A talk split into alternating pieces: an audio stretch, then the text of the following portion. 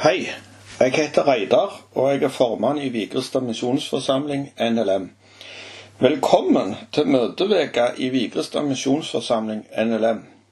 Det føles i grunnen litt rart å sitte her på, hjemme på kontoret og ønske velkommen til ei møteveke som vi i styret både har gledet oss til å jobbe enormt mye med, men som ikke kan gjennomføres på vanlige, tradisjonelle måter. I løpet av få dager så har situasjonen forandra seg på Misjonshuset, på Vigrestad, i Norge og verden på en dramatisk måte. Vi gikk ifra det mange opplever som en forutsigbar, trygg og oversiktlig hverdag, til en verden som mange nok opplever er preget av frykt, kaos og usikkerhet. Jeg tror det da er viktigere enn noen gang å samles om Bibel, lovsang og bønn. Nå er ikke det så lett å gjøre på de tradisjonelle måtene. Derfor så er vi i styret kastet oss rundt og valgt å bruke den teknologien og ressursene som finnes tilgjengelig. Drømmen kunne kan, kanskje ha vært en full videoproduksjon med bilder av hver møte, men det er urealistisk å få til akkurat nå.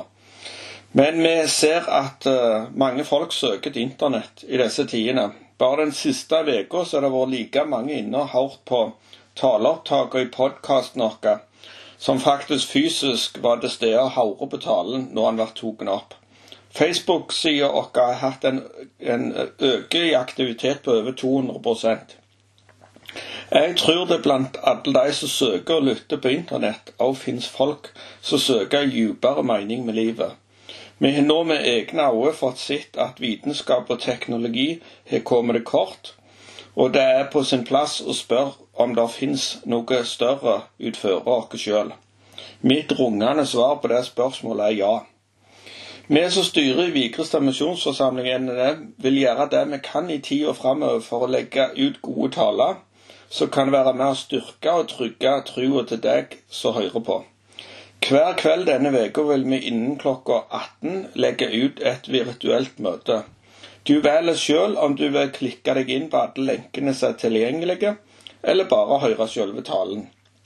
På fredag er generasjonsmøtet erstatta med en tale for voksne, for det er jammen ikke lett for Magne Vatland å holde en inspirerende og engasjerende tale for unger bare ved hjelp av lyd. En kan prøve hvem som vil. På søndag vil formiddagsmøtet bli lagt ut før klokka ti.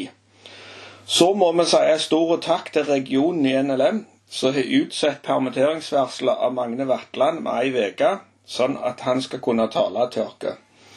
Faktisk så tar både NLM Nærbø og hele regionen del i møteveka på Vigrest og bitt om å få lov å være med. Vi har fått forespørsel fra Petro om de kan få lov å bruke talen. Takk til Magne Vatland for at du har sagt ja til tale for oss denne uka. Jeg vet Magne har fått et tema og ord fra Bibelen eh, fra Gud, så han kjenner han har lyst å dele med oss. Gjennomgangstemaet denne uka vil være to tomme sko. Har du spørsmål til talen, så kan du faktisk legge de inn på Facebook-sida vår, NLM Vigrestad, eller du kan sende en personlig melding til Magne Vatland.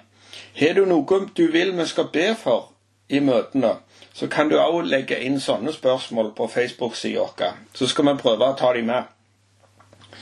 Til ei åpning på denne møteveka så har jeg lyst til å dele noen ord som jeg våkna til ei natt. Rett etter at det var klart at jeg skulle lede dette møtet. De er henta fra apostelgjerningene 9, vers 10-18 jeg tror det kanskje kan være til en påminning til både meg og deg som hører på, i den tida som er inne i akkurat nå. I vers 10 så står det I Damaskus bodde en, en disippel som het Ananias. I et syn sa Herren til ham. Ananias, han svarte, Her er jeg, Herre. Gud snakka altså til Ananias i et syn. Hvordan det nå enn så ut. Kanskje drømte han det på natta. Kanskje fikk han et indre bilde, eller bare kanskje fikk han en tanke. Det sier faktisk teksten ingenting om. I vers 11 står det Og Herren sa, Gå bort til den gaten som kalles Den rette, og i huset til Judas skal du spørre etter Saulus fra Tarsos. For se, han ber. Og han har hatt et syn og sett en mann som heter Ananias komme og legge hendene på han, så han får syn igjen. Gud hadde altså allerede forberedt Saulus at det skulle komme en mann som skulle legge hendene på han, sånn at han fikk syn igjen. For en kreativ og allmektig Gud vi har. Jeg tenker, kunne Gud ha gjort det samme i dag med noen? Jeg kjenner til mange bevis for at Gud både kan og gjøre det.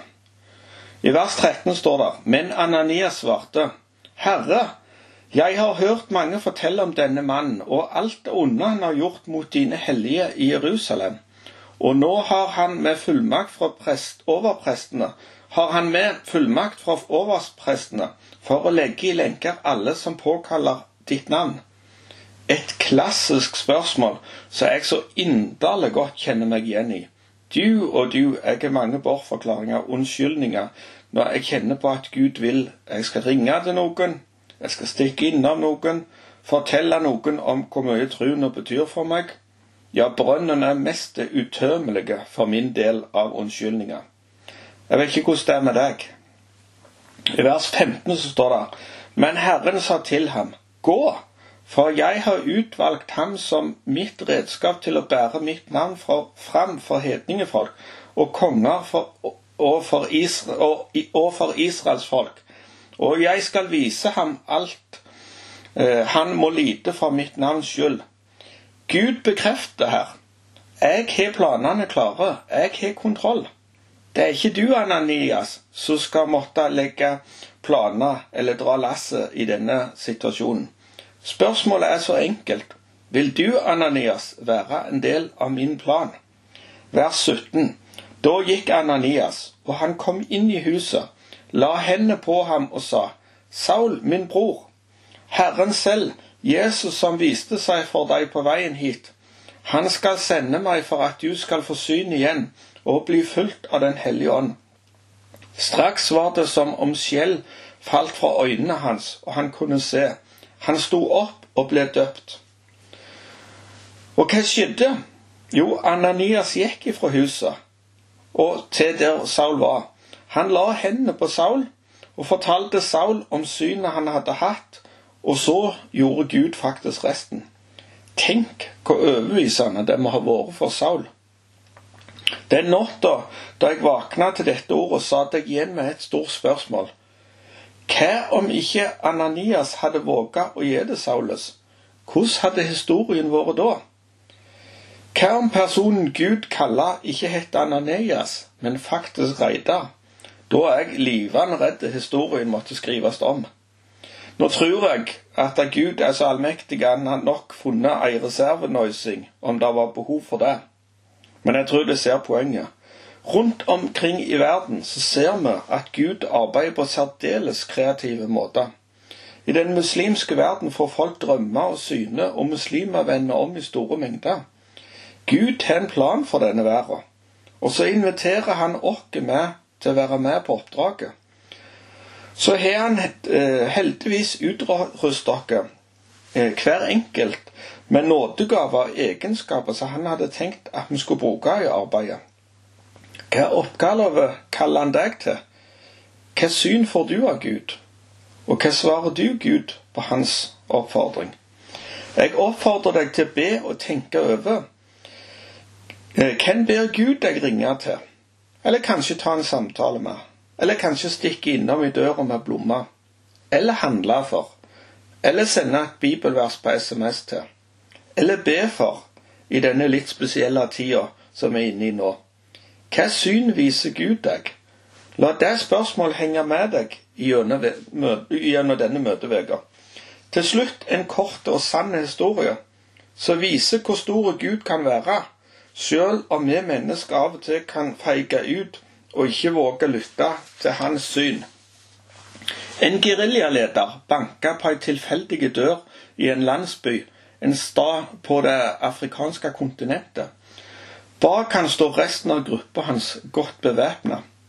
Geriljalederen hadde hatt en drøm om at en som bor i nettopp det huset han banker på hos nå, har en historie å fortelle. Som kan endre livet hans. Lite vet geriljalederen at innenfor døra bor en pastor. Pastoren stikker hodet forskremt ut, men nekter for at han har en historie å fortelle. Historien gjentar seg noen uker etterpå. Geriljalederen har hatt en ny drøm og ber innbitt pastoren fortelle historien. Av frykt for å bli drept våger ikke pastoren fortelle noen historier om Jesus. Kanskje er det ei felle han prøver å verte lokka inn i. Geriljalederen får samme drømmen en tredje gang. Nå er han desperat og truer pastoren. Om du ikke forteller historien, eh, så dreper jeg deg på flekken. Pastoren tenker at han ikke har noe valg. Enten så blir han drepen uten å få fortalt om Jesus, eller så blir han drepen fordi han fortalte historien. Så han velger å dele vitnesbyrdet om Jesus. Historien ender med at geriljalederen og hele gjengen han er med seg, bøyer kne utenfor huset og tar imot Jesus. Pastoren sin historie endrer livet deres totalt. La oss lytte til Gud sitt syn og kall i ei tid så trenger Jesus mer enn noen gang god og oppbyggelige møteveke.